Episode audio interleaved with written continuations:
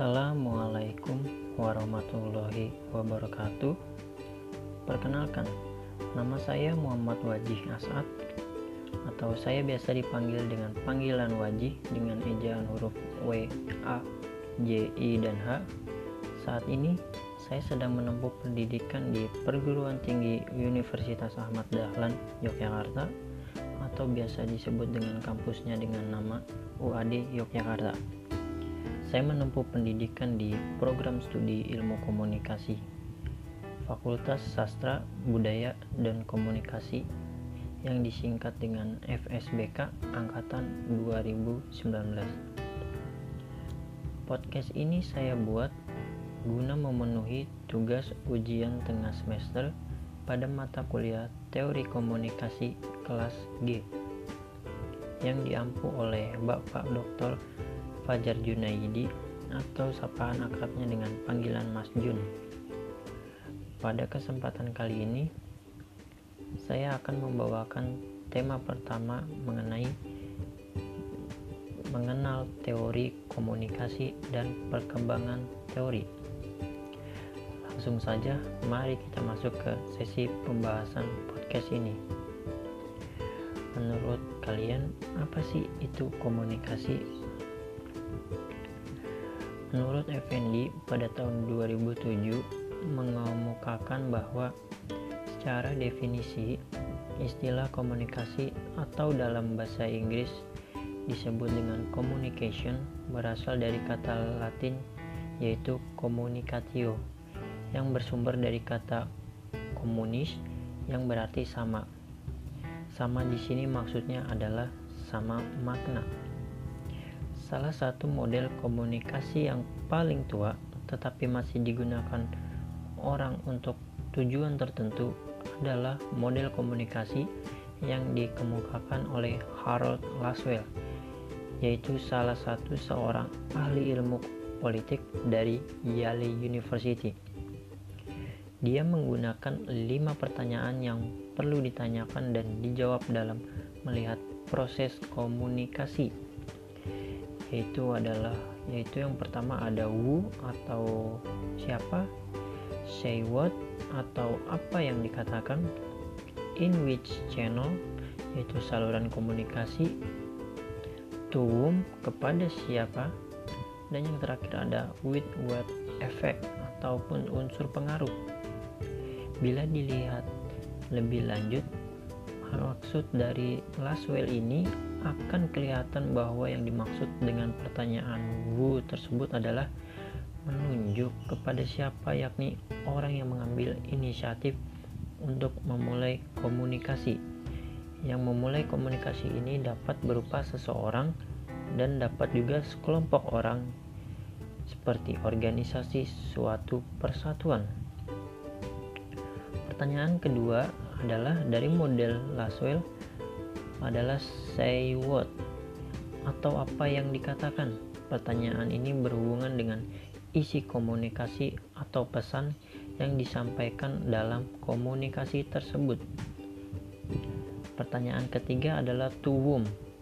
Pertanyaan ini maksudnya menanyakan siapa yang menjadi audiens atau penerima dari suatu proses komunikasi tersebut. Lalu yang keempat adalah in which channel atau melalui media apa. Yang dimaksudkan dengan media adalah alat komunikasi seperti berbicara, gerakan badan, sentuhan, kontak mata, radio, televisi, surat, buku, gambar.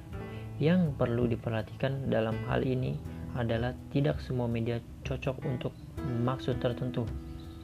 Dan yang terakhir adalah pertanyaan terakhir dari model Laswell ini adalah what effect atau apa efek dari komunikasi tersebut. Pertanyaan mengenai efek komunikasi ini dapat menanyakan dua hal, yaitu apa yang ingin dicapai dan apa yang dilakukan orang sebagai hasil dari komunikasi. Model komunikasi Laswell dikelompokkan ke dalam model komunikasi linier dalam bentuk komunikasi linier, komunikasi dipandang sebagai proses yang berjalan secara satu arah atau one way communication di mana pengirim pesan atau sender adalah satu-satunya elemen komunikasi yang mengirimkan pesan kepada si penerima pesan. Lalu penerima pesan itu digambarkan tidak memberikan umpan balik atau tanggapan terhadap pesan yang dikirimkan. Sinyal pesan di encode dan dikirimkan melalui media umumnya. Model komunikasi linear diterapkan dalam konteks komunikasi massa seperti televisi, radio, dan lain-lainnya. Sedangkan Effendi berpendapat lagi bahwa berdasarkan paradigma Laswell tersebut, komunikasi adalah proses penyampaian pesan oleh komunikator kepada komunikan melalui media yang menimbulkan efek tertentu. Dapat diambil kesimpulannya ataupun digarisbawahi secara umum dapat diambil kesimpulannya adalah komunikasi adalah proses penyampaian pesan dari komunikator kepada komunikan melalui media tertentu untuk menghasilkan efek ataupun tujuan dengan mengharapkan feedback ataupun umpan balik. Komunikasi juga mempunyai tujuan, yaitu membangun atau menciptakan pemahaman atau pengertian bersama lalu ada saling memahami, dan terakhir harus menyetujui. Fungsi komunikasi itu terbagi menjadi empat. Yang pertama adalah to educate, yaitu berfungsi untuk mengedukasi pesan yang disampaikan komunikator kepada komunikan. Komunikator adalah pengirim pesan tersebut, dan komunikan adalah penerima pesan tersebut. Yang kedua adalah to persuade, yaitu berfungsi untuk membujuk komunikan si penerima pesan terhadap pesan yang telah disampaikan oleh komunikator, yaitu pengirim pesan. Yang ketiga adalah to entertain, yaitu berfungsi sebagai komunikasi yang menghibur antara komunikator dan komunikan. Yang terakhir dan yang keempat adalah to inform, yaitu berfungsi sebagai sarana bertukar informasi antara komunikator dan komunikan terhadap pesan yang telah disampaikan. Selanjutnya adalah efek dari komunikasi. Efek dari komunikasi terbagi menjadi tiga, yaitu ada yang pertama adalah kognisi, adalah penambah wawasan atau pengetahuan terhadap pesan yang telah disampaikan yang kedua ada afeksi yaitu sikap dan yang ketiga adalah psikomotorik yaitu perubahan perilaku atau timbulnya perilaku baru serta menerima setelah menerima pesan dari proses komunikasi yang terjadi. Lalu bagian selanjutnya adalah komponen-komponen dalam komunikasi. Yang pertama adalah komunikator atau yang biasa disebut dengan penyampaian pesan atau sumber atau source. Nah, komunikator yaitu semua proses komunikasi berasal dari sumber yang dapat berupa perorangan. Jika dalam komunikasi individual atau antar perorangan atau seseorang dengan beberapa orang, lalu yaitu suatu lembaga atau organisasi atau orang yang dilembagakan. Yang dimaksud adalah komunikasi dengan media massa. Selanjutnya dari komponen komunikasi yang kedua adalah pesan atau message. Unsur pesan meliputi materi atau isi yang dikomunikasikan antara pihak-pihak yang terlibat dalam proses komunikasi, baik yang disampaikan secara verbal maupun nonverbal baik secara langsung maupun tidak langsung dengan melalui media massa. Misalnya pesan dapat berupa bahasa, kata-kata lisan ataupun tertulis. Sedangkan pesan nonverbal misalnya isyarat, gambar, warna ataupun gerak tubuh.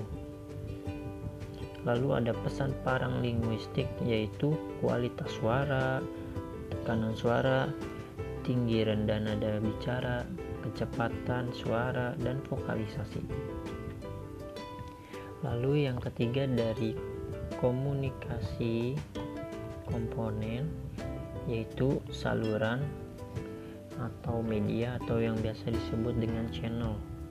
Unsur saluran dapat merupakan sarana tempat pesan yang disampaikan sehingga bisa diterima dan dimaknai oleh komunikan. Misalnya, media massa yaitu surat kabar, majalah, televisi, radio, ataupun telepon dan surat. Lalu yang keempat adalah komunikan atau penerima pesan yaitu unsur penerima merupakan sasaran dari komunikasi. Bisa terdiri dari seseorang atau beberapa orang atau suatu lembaga dalam organisasi. Lalu yang yang kelima adalah tujuan atau destinasi atau efek. Nah, efek merupakan hasil dari suatu kegiatan komunikasi merupakan tujuan dari peserta-peserta di dalam proses komunikasi. Apakah dalam proses komunikasi tersebut dapat mencapai tujuan yang diinginkan ataupun tidak. Lalu yang keenam adalah umpan balik atau feedback. Feedback merupakan tanggapan atas pesan komunikan apabila tersampaikan atau disampaikan kepada komunikator. Dan yang terakhir adalah gangguan atau noise gangguan tak terencana yang terjadi dalam proses komunikasi sebagai akibat pesan yang diterima komunikan berbeda dengan pesan yang disampaikan oleh komunikator kepada komunikannya. Misalnya, perkuliahan yang terganggu akibat adapnya pesawat terbang yang melintas rendah di atas bangunan kelas tersebut. Selanjutnya adalah bentuk-bentuk komunikasi. Bentuk-bentuk komunikasi dibagi menjadi tiga bagian, yaitu komunikasi persona, komunikasi kelompok, dan komunikasi massa. Nah, yang pertama adalah komunikasi persona. Di dalam komunikasi persona terbagi menjadi dua bagian lagi. Yang pertama ada komunikasi intrapersonal dan komunikasi antar personal. Komunikasi interpersonal adalah proses komunikasi yang berlangsung dalam diri seseorang. Contohnya seperti seseorang sedang duduk menyendiri di taman ataupun di perkuliahannya merenungi nasibnya. Secara fisik ia diam saja tidak melakukan pergerakan atau tidak adanya komunikasi yang terjadi tetapi di dalam diri seseorang tersebut sedang berlangsung proses komunikasi dengan dirinya sendiri. Meratapi nasibnya seperti itu kurang lebih. Yang kedua adalah komunikasi persona yaitu antar persona. Komunikasi antar persona yaitu sebuah proses komunikasi yang berlangsung antara individu satu dengan individu lainnya. Maksudnya apa sih? Maksudnya adalah adanya lawan bicara antara komunikator dan komunikan.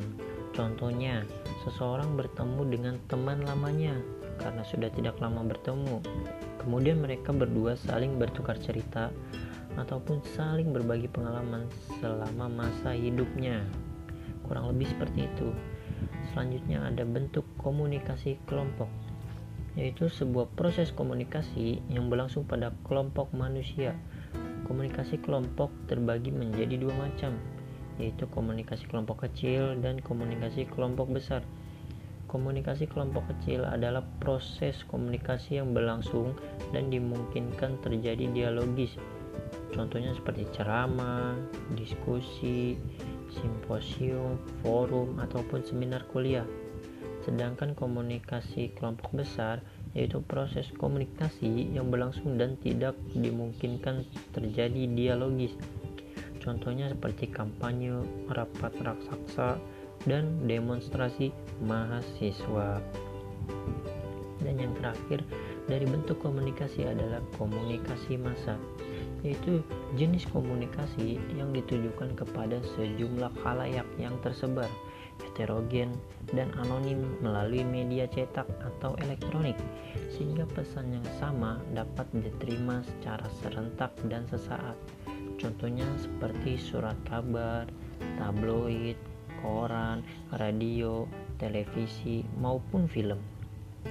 Mungkin itu saja yang dapat saya sampaikan guna memenuhi ujian tengah semester dari mata kuliah teori komunikasi ini. Apabila ada salah, mohon dimaafkan karena kesempurnaan hanya milik Tuhan. Demikian dan sekian, terima kasih. Wassalamualaikum warahmatullahi wabarakatuh.